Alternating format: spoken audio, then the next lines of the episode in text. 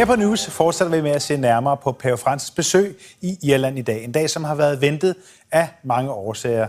Det er første gang siden 1979, at paven besøger Irland. Det katolske Irland har jo gennemgået mange store forandringer siden da, og bemærkelsesværdigt er det da også, at der lige frem har været demonstrationer i Dublin mod paven og mod den kirke, som ellers er irernes men som også er ude i stormvejr, ikke mindst på grund af de nærmest endeløse afsløringer af præsters seksuelle overgreb på børn. Vi går i den kommende halve time i dybden med besøget og med de mange perspektiver ved det. Her i studiet er jeg så heldig at have besøg af Jesper Fik, katolsk præst ved San Maria Kirke på Frederiksberg. Jeg har også Ulla Terkelsen med. Ulla, som i årtier har beskæftiget sig indgående og nært med netop Irland. Og fra Dublin har jeg naturligvis vores korrespondent, Divya Das. Velkommen til. Men lad os først høre paven fortælle, hvordan han havde glædet sig til dagens besøg, blandt andet fordi han for længe siden selv har besøgt landet. Sono contento di questo viaggio. E anche un altro motivo che tocca un po' il cuore. Torno in Irlanda dopo 38 anni, dove sono stati quasi tre mesi per praticare l'inglese nell'anno 80. E anche per me questo è un ricordo bello. Grazie del vostro lavoro. Adesso vorrei salutarvi.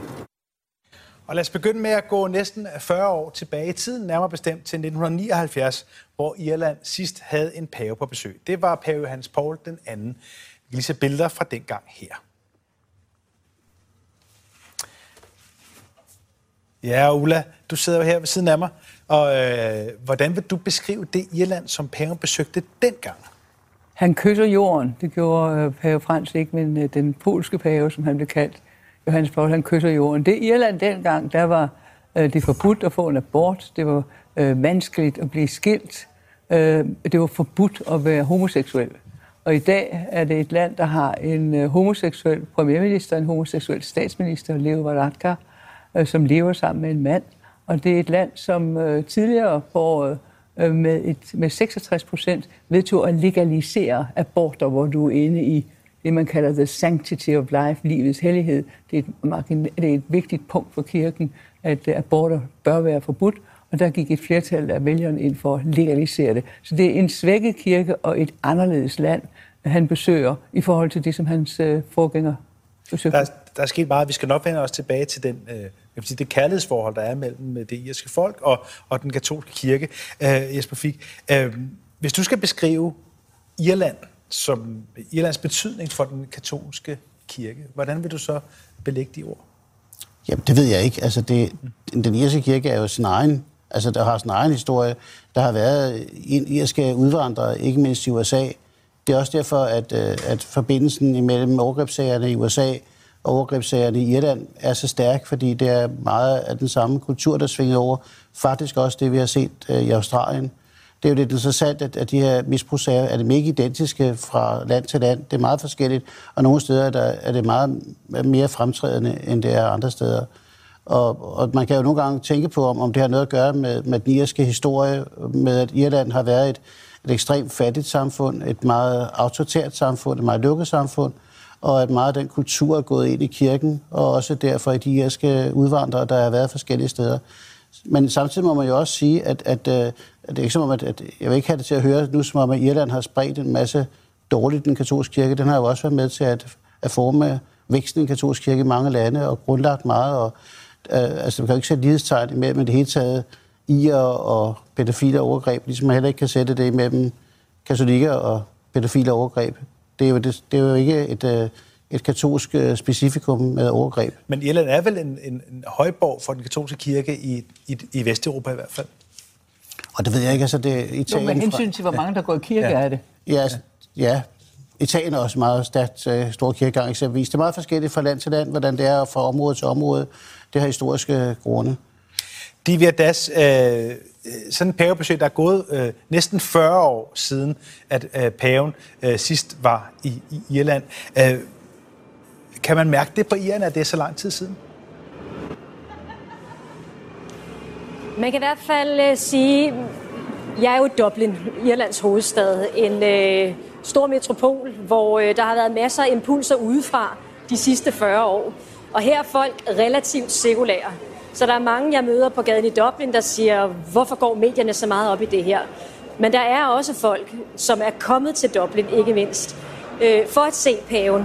Jeg har mødt nogen, der har sagt, at det er en ære, at paven nu kommer til Irland og velsigner landet med sådan et visit her på 36 timer, hvor han ikke bare skal være i Dublin, men også skal rundt i landet. Og det er specielt den aldrende del af befolkningen, folk fra de mere rurale dele af, af Irland, knap så meget det urbane Irland, hvor jeg er lige nu.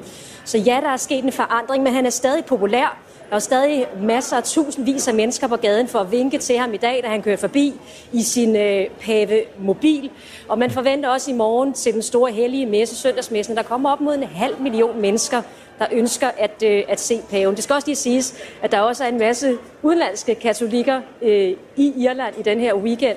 Da jeg fløj til Dublin i går morges, der var det med et fly næsten øh, fyldt med alle mulige katolikker fra alle mulige dele af verden. Der var en hel del argentinere, det er jo fra øh, Argentina, at paven kommer fra oprindeligt.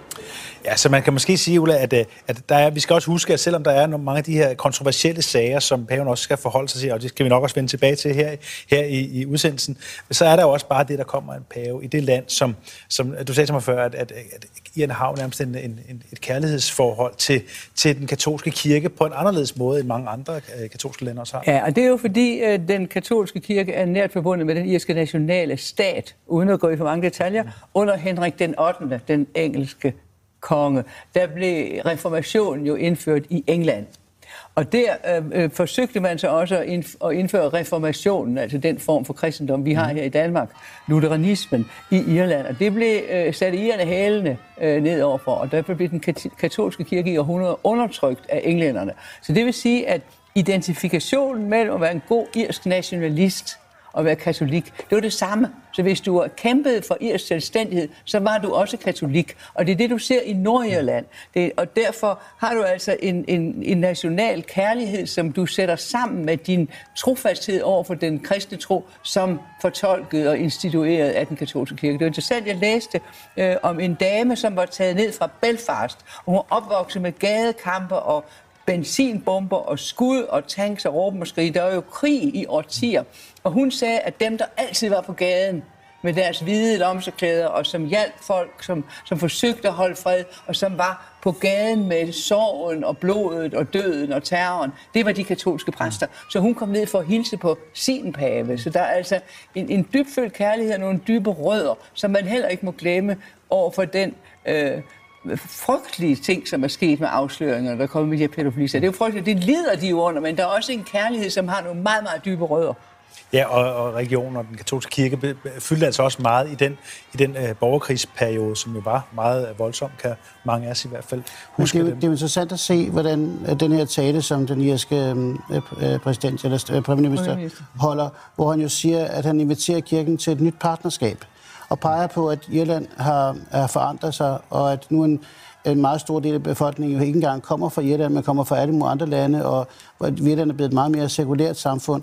Jeg tænker, det er måske noget af det vigtigste tale, det er også blevet sagt i Irish Times, at det er en af de vigtigste taler, han har holdt indtil dato, at tankegang om at invitere kirken til at være en partner med det irske samfund på en ny måde, hvor at, at at øh, de ting, som du har adresseret også med, at det er et sekulært samfund, men som stadigvæk ønsker en, en katolsk identitet, men på nogle andre vilkår, end man har kendt før. Og at kirken ikke på samme måde som tidligere har kunnet indrette og påvirke samfundet, men at samfundet også gerne vil påvirke kirken. Og jeg tænker på mange måder, at det, det der med, at, at kirke og stat skal kunne lære af hinanden, er en af de ting, som måske er allervigtigst for den katolske kirke i øjeblikket, også under Pave Frans i det hele taget. Et ønske om, at kirken ikke er et isoleret del, men går i samtale med mennesker og tager deres erfaringer i al almindelighed alvorligt. Ja, for kirken har jo fyldt meget. Måske kan vi lige vende os mod det, det er sådan helt øh, aktuelle, for mange har jo forud for, for det her møde håbet på, at øh, paven ville undskylde og beklage øh, for de overgreb, der har fundet sted i den katolske kirke. Altså, lad os lige høre, hvad den irske premierminister sagde forud for pavens tale. De, det er jo Leo Radka, som du også var inde på før, Jesper Fik. People kept in dark corners, behind closed doors. Cries for help that went unheard. And these wounds are still open, and there is much to be done to bring about justice and truth and healing for the victims and survivors. Holy Father, we ask that you use your office and influence to ensure that this is done here in Ireland and also around the world. Ja, han taler til folk, der var, der var, der var gemt i, i, i mørke kroge og råb om hjælp, der ikke øh, blev hørt. Øh, Jesper Fik, er det et billede, du kan genkende? Det, som øh, kom maler op her? Det, som har, er interessant i øjeblikket, er jo ønsket om, at kirken ikke er sådan en selv, øh, om en, slutter sig om sig selv. Altså, man har jo allerede i, i, i, i, 2012 var der et krav om fra Vatikanet, at det hvert bispedømme skulle have en beredskabsplan i forhold til sådan nogle ting. Øhm, og deri ligger for eksempel også, at man naturligvis skal melde sig noget til politiet, hvor man tidligere, mange af de misbrugssager, vi har liggende her, som der også tales om, og som man nogle gange kan se refereret i, også her i jeres fjernsyn, er jo sager, der ligger langt tilbage. Øh, og, og håbet om, at, at vi kan få fjernet den slags oplevelser. Altså, jeg tænker, hvis tænker på, at jeg, som katolsk kirke er jo i dag meget optaget af, at det ikke kan fortsætte, fordi hver, altså, det har aldrig været nogen, der planlagt har ville ønske det. Men man har dengang, man har stødt på sagerne, har man jo på meget, meget, meget forkert måde prøvet at dysse det ned og være mere optaget af kirkens anseelse eller præsternes vi er vel, end af offrene. Og det siger jo det, som paven siger, at man har været optaget af sig selv i stedet for offrene. Og det er jo det, der er årsagen til vreden. Jeg tror, det er det, der også i virkeligheden er, at, for der er jo i og for sig, kan man spørge, hvorfor bliver så folk så, så oprevet i USA over Pennsylvania-sagen, eftersom at der jo i og for sig på mange måder det er en gentagelse af andre ting. Men det er fordi, det er, at kravet om, at kirken ikke må, må så at sige forvalte sig selv. Jeg tænker, at alle store og lukkede systemer har altid en fristelse til at gøre det. Altså bare tænk på politiet i Danmark og diskussioner omkring det, eller prøve at klage over et hospital. Altså, der er jo en tendens til, at man beskytter sig selv. Det her siger jeg ikke, fordi at kirken skal, skal sige, at den er bare som alle de andre, for der er jo et berettiget krav om, at den slags ting som overgreb mod børn, som er helt sikkert noget af det aller værste, der overhovedet kan tænkes, at det skal ikke findes i en kirke. Det, det underminerer kirkens troværdighed, som paven jo også siger.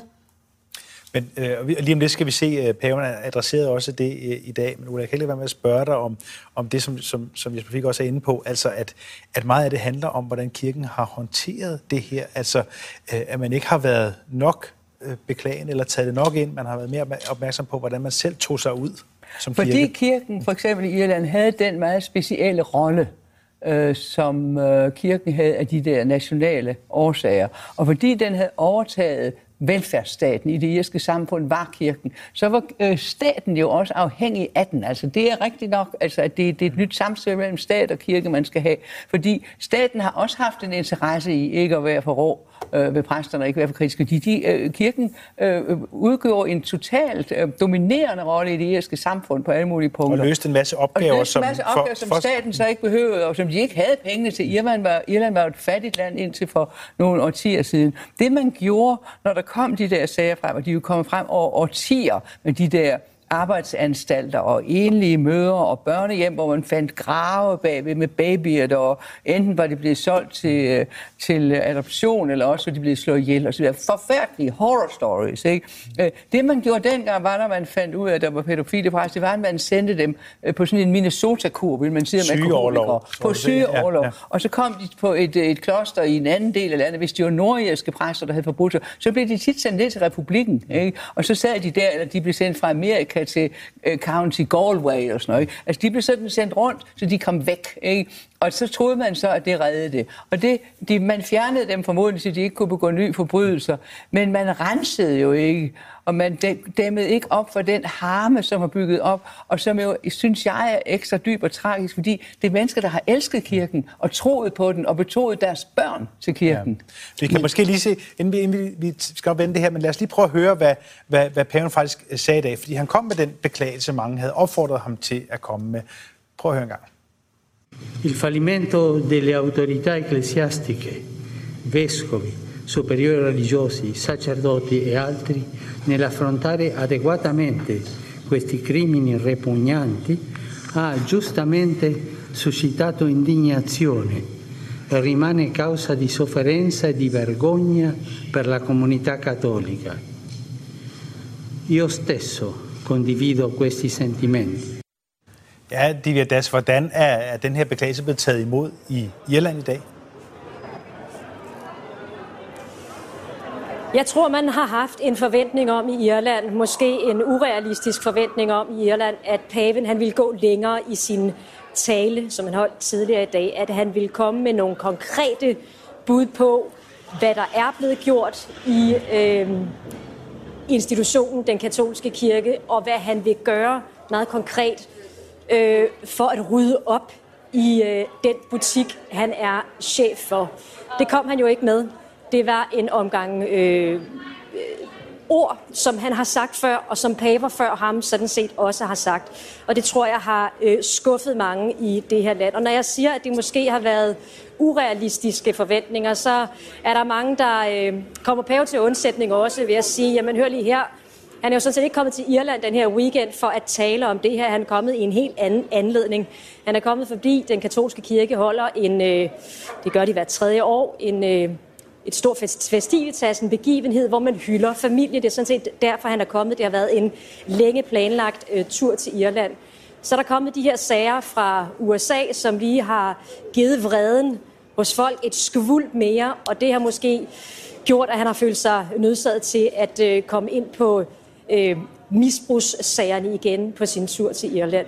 Men som jeg forstår det, så er der mange ofre, ikke mindst for øh, præsters misbrug, som synes, at det er ærgerligt, at han ikke brugte den her anledning til at komme med nogle flere konkrete ting om, hvad han har tænkt sig at gøre. Jeg tror, der er mange her, der godt kunne tænke sig at se, at der rullede nogle hoveder i den katolske kirke.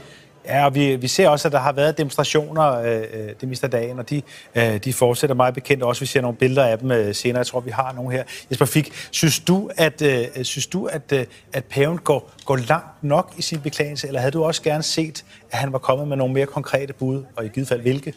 For det første vil jeg sige, hvis jeg var pave, hvordan skal man overhovedet undskylde for sådan nogle overgreb? Altså, vi ikke ane, hvornår er ord, ord, ord slår jo ikke til. Jeg synes, det er fint nok, at paven siger det så tydeligt, som han gør, ved også blandt andet at nævne biskopperne, og i det brev, han har sendt til verdens katolikker, et ønske om, at kirken må få en fornyet måde at være kirke på, hvor biskopperne ikke bliver så enrådet, som de har været måde før. at være kirke på, hvad, hvad skulle det øh, indbefatte sådan konkret? Blandt andet at lægefolket får en langt større indflydelse. Det forestiller jeg mig, det må være det, der ligger i paven, ved at sige, ved at understrege det fælles ansvar for kirkens vej. Så vi kan forvente, at der kommer, øh, at der kommer nogle hvad kan man sige, et udspil fra, fra Vatikanet om, at nu ændrer kirken sig på det den måde? Ikke. Nu sidder jeg jo selv ansvarlig for præstuddannelsen. Jeg ved ikke, om det er muligt overhovedet at gøre mere for at skrine folk, for at være sikker på, at dem, vi slipper igennem, er folk, vi stoler på. Hvert bispedømme har jo i dag linjer, eller retningslinjer liggende for safeguarding. Altså, der er vel dårligt nok noget, nogen institution i verden, man kan stå op på et hvilket som helst bispedømme i Irland, så vil man kunne se, hvad der er af forholdsregler, og hvad man kan forvente sig af kirken, hvordan den skal reagere på det i sådan nogle situationer. Det, som man kan, man kan sige nu, det er, at paven jo ser, at der har været biskopper rundt omkring, som stadigvæk sidder, og som har været meget tøvende i at tage action, når det var nødvendigt. Der kan man måske forvente, at paven vil sortere ud af det, som han har gjort det i Irland, som han også kommer til at gøre det andre steder. Og det, det må vi se. Altså, det ved jeg ikke, om, om, om det bliver aktuelt, men det kan jeg da sagtens forestille mig. Kunne du forestille dig at komme til at rulle hoveder? Jamen altså på den måde, at der er biskopper, der allerede nu er blevet afskedet rundt omkring, for ikke at, øh, at, at øh, passe deres arbejde. Og at, at passe deres arbejde i den her sammenhæng er jo at, at tage først og fremmest hensyn til offrene, når de kommer. Altså det skal jo være helt sikkert, at kirken skal være, det er jo Pave Francis klare budskab, at kirken skal være på de fattige side, på de undertrykte side. Et barn, der bliver udsat for et overgreb, er jo i den grad krav på at blive hjulpet. Det er jo det, paven siger, som jeg synes er interessant nyt. Disse børn har råbt op. De blev ikke hørt. Det er jo det, der ligger, det er jo det, der er skandalen, at man kan forestille sig, at hvor skulle de ellers blive hørt end lige præcis i kirken? Nu siger Ulla det her med katolske præster. De var der med det hvide lomterklæde og stod der mennesker, der blødte, i, når der var kamp i Nordjylland. Vi kender jo, den katolske kirke er jo fuld af mennesker og præster, som har gjort en selvopoffrende indsats. Og, ja, og hvor mange lige, og lige... er ikke blevet reddet, at der er blevet spurgt en rugbrødsmad i præstens køkken. Og netop, Men... denne, og netop denne pave har jo også selv slået sig op på at være barmhjertigheden. Altså han tog Frans Assisis øh, navn til sig netop for at, at være den der, ja. den der folkets pave. Men det kræver vel så også, øh, Ulla, at der kommer noget, øh, noget konkret ja. Ja. forandring på bordet, og ikke bare ord, som, øh, som de der siger, at irerne reagerer. De synes bare, det er, det er nye ord. Det er rigtigt. Altså, det er jo dybt tragisk, fordi det, det falder jo tilbage på en eller anden måde kollektivt på, på en hel masse præster og søstre og munke, som gør et fantastisk arbejde, som ingen af os gad. Altså med at stå og hjælpe de fattige og vaske dem og gøre ved at give dem mad. Altså alt det der, som er selvudslættende arbejde. Ikke? Og det, det har de gjort, og det gør de, mens vi snakker nu. Ikke? Og så kommer der pludselig sådan en hæslig skandale, som gør, at institutionen som sådan får det der øh, plaster og bliver tilplastret med skandaler. Ikke? Og det er selvfølgelig, fordi de skulle have reageret noget før, og det er, som, som Jesper siger, at institutioner får deres eget liv, øh, og derfor så reformerer de sig ikke i tide. Altså, et eller andet dramatisk udspil øh, må der vel komme på en eller anden måde, fordi i øjeblikket ser det dårligt ud, ikke? og han har jo stadigvæk tid. Og jeg synes, hvis jeg var medlem af, af din øh, på mange måder umådelig beundringsværdige kirke, så vil jeg sige, at det er godt, at det netop er ham, sådan en pave, ikke? som er medfølende og, og, og, og som tager imod flygtninge, som vasker de fattiges fødder og gør alt det der. Det ham. Og så er han er i Irland, hvor kirken er så stærk. Ikke? Altså, det, det, hvis det nu har været Benedikt, som sådan en, en, en meget sådan tør teolog, og han har været i et eller andet land, som ikke spiller nogen rolle i det katolske Altså den univers. forrige pave, ja. Den forrige, den ja. tyske pave, som Ja. var en meget dygtig teolog, bravo bravissimo, men han havde ikke nogen folkelig appel. Så har du altså en, der har en folkelig appel, nemlig øh, Frans. Og han er i et land, mm. som har en enorm indflydelse på grund af det irske sprog, de irske katolikker i Australien, i USA osv. Så, så det er vel en anledning til at sige, nu laver vi om. Vi skal nok- passe på, som om jeg kan også sige, at jeg synes, det er interessant, og, og at den vinkel, som premierministeren lægger på det her, er jo, at Ir- Irland som samfund har også noget at undskylde sig for. Altså, det, Staten staten har noget. Altså, Ja, ja. det, han nævner først staten, og så nævner han bagefter... Det- staten hænger så tæt sammen, Ja, så de har et delt ansvar. har også et selvstændigt ja. ansvar, hvor at, at staten også på mange måder ikke har løftet det ordentligt, og det her er han parat til at sige undskyld for. Men det næste, som jeg synes er interessant, det er en efterlysning af en kirke, som kan være folkets kirke i den diversitet, som mennesker har. Altså det her med, at, at den tager menneskers erfaringer alvorligt og kan være kirke for hele folket, og ikke kun for en bestemt elite. Det tænker jeg er virkelig meget interessant. lad os lige prøve at se, for der, der er jo faktisk kommet nogen fra de kritikere, der er. Der er kommet nogle konkrete bud på, hvad man ønsker sig. Øh, for paven har jo beklaget misbrugsskandalerne, og der er altså stadigvæk folk, der siger, at den katolske kirke har brug for, for de reformer, som vi netop øh, øh, taler om. Lad os lige prøve at høre fra en gruppe af katolikker, der ønsker reformer af den katolske kirke.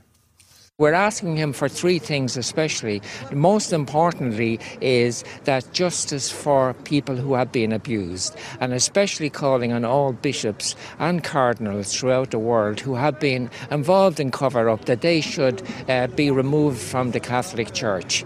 Uh, secondly, would be uh, all LGBT people. We believe that uh, the words used to describe them officially in the church as evil and disordered, that language is just wrong and disordered.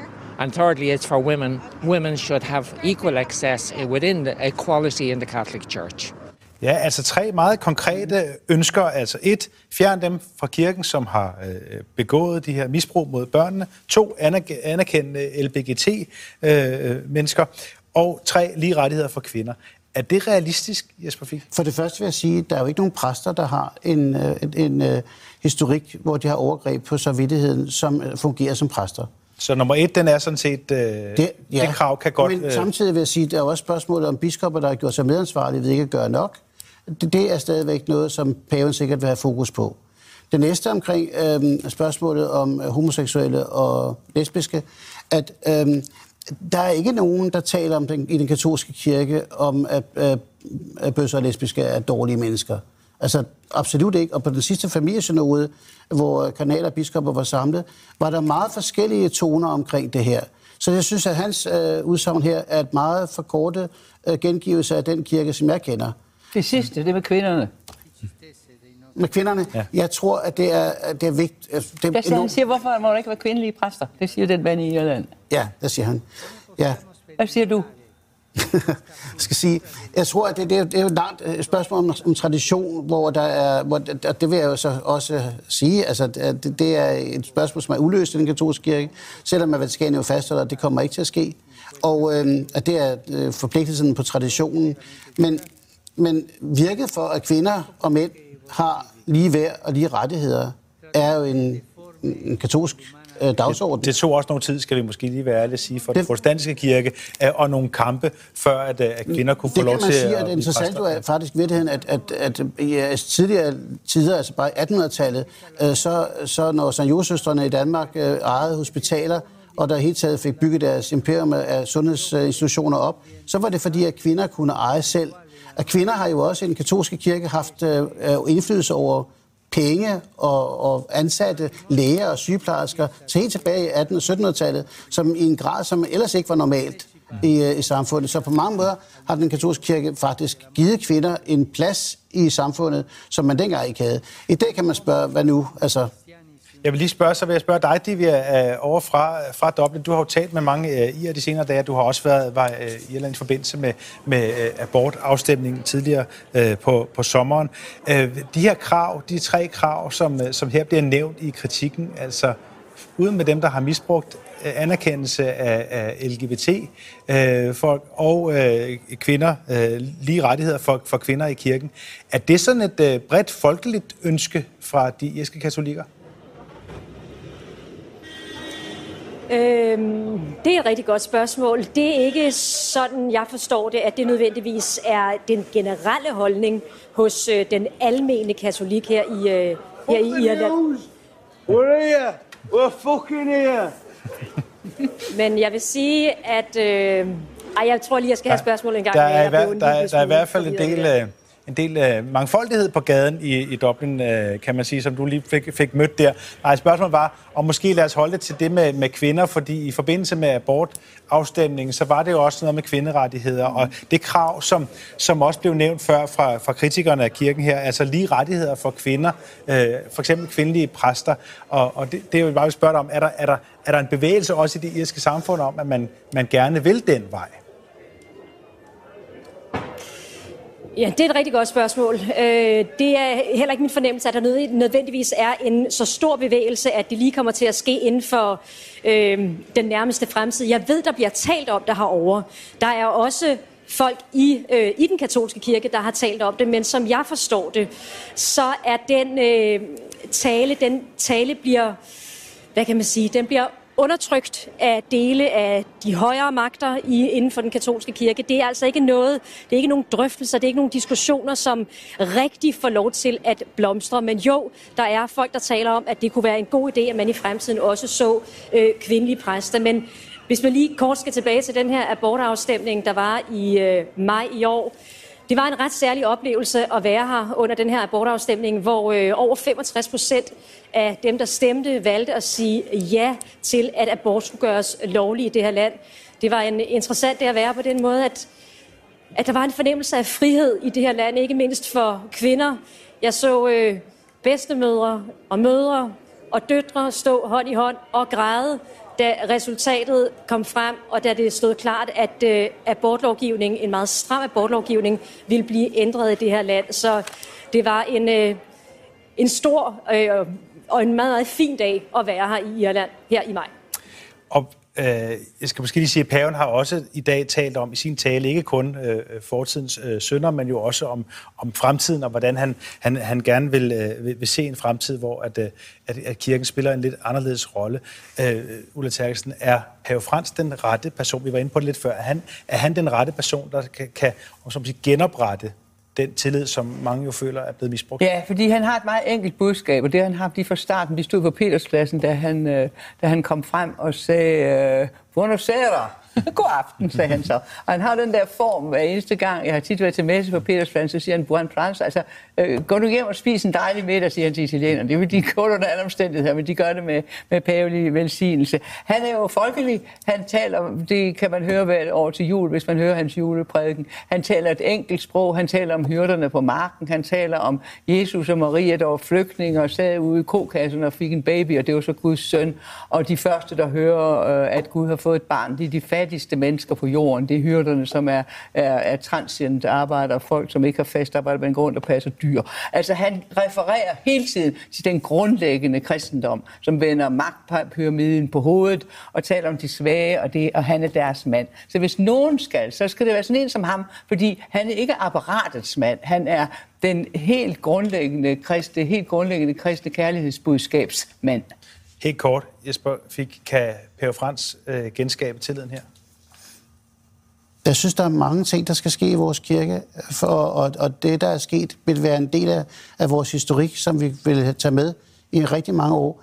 Jeg mener i virkeligheden, at tilliden på mange måder eksisterer i vores kirke, men vi kommer sørme til at arbejde med de her ting. Der skal arbejdes med det. Tusind tak til I to, fordi I var her, og tak til Divya Das i, i Dublin. Og Pavens besøg fortsætter i morgen, hvor han blandt andet vil deltage i en højmesse i Dublin og tale for irske biskopper. Vi følger naturligvis besøget til dørs her på News. Og så er vi ellers klar med flere nyheder lige om lidt.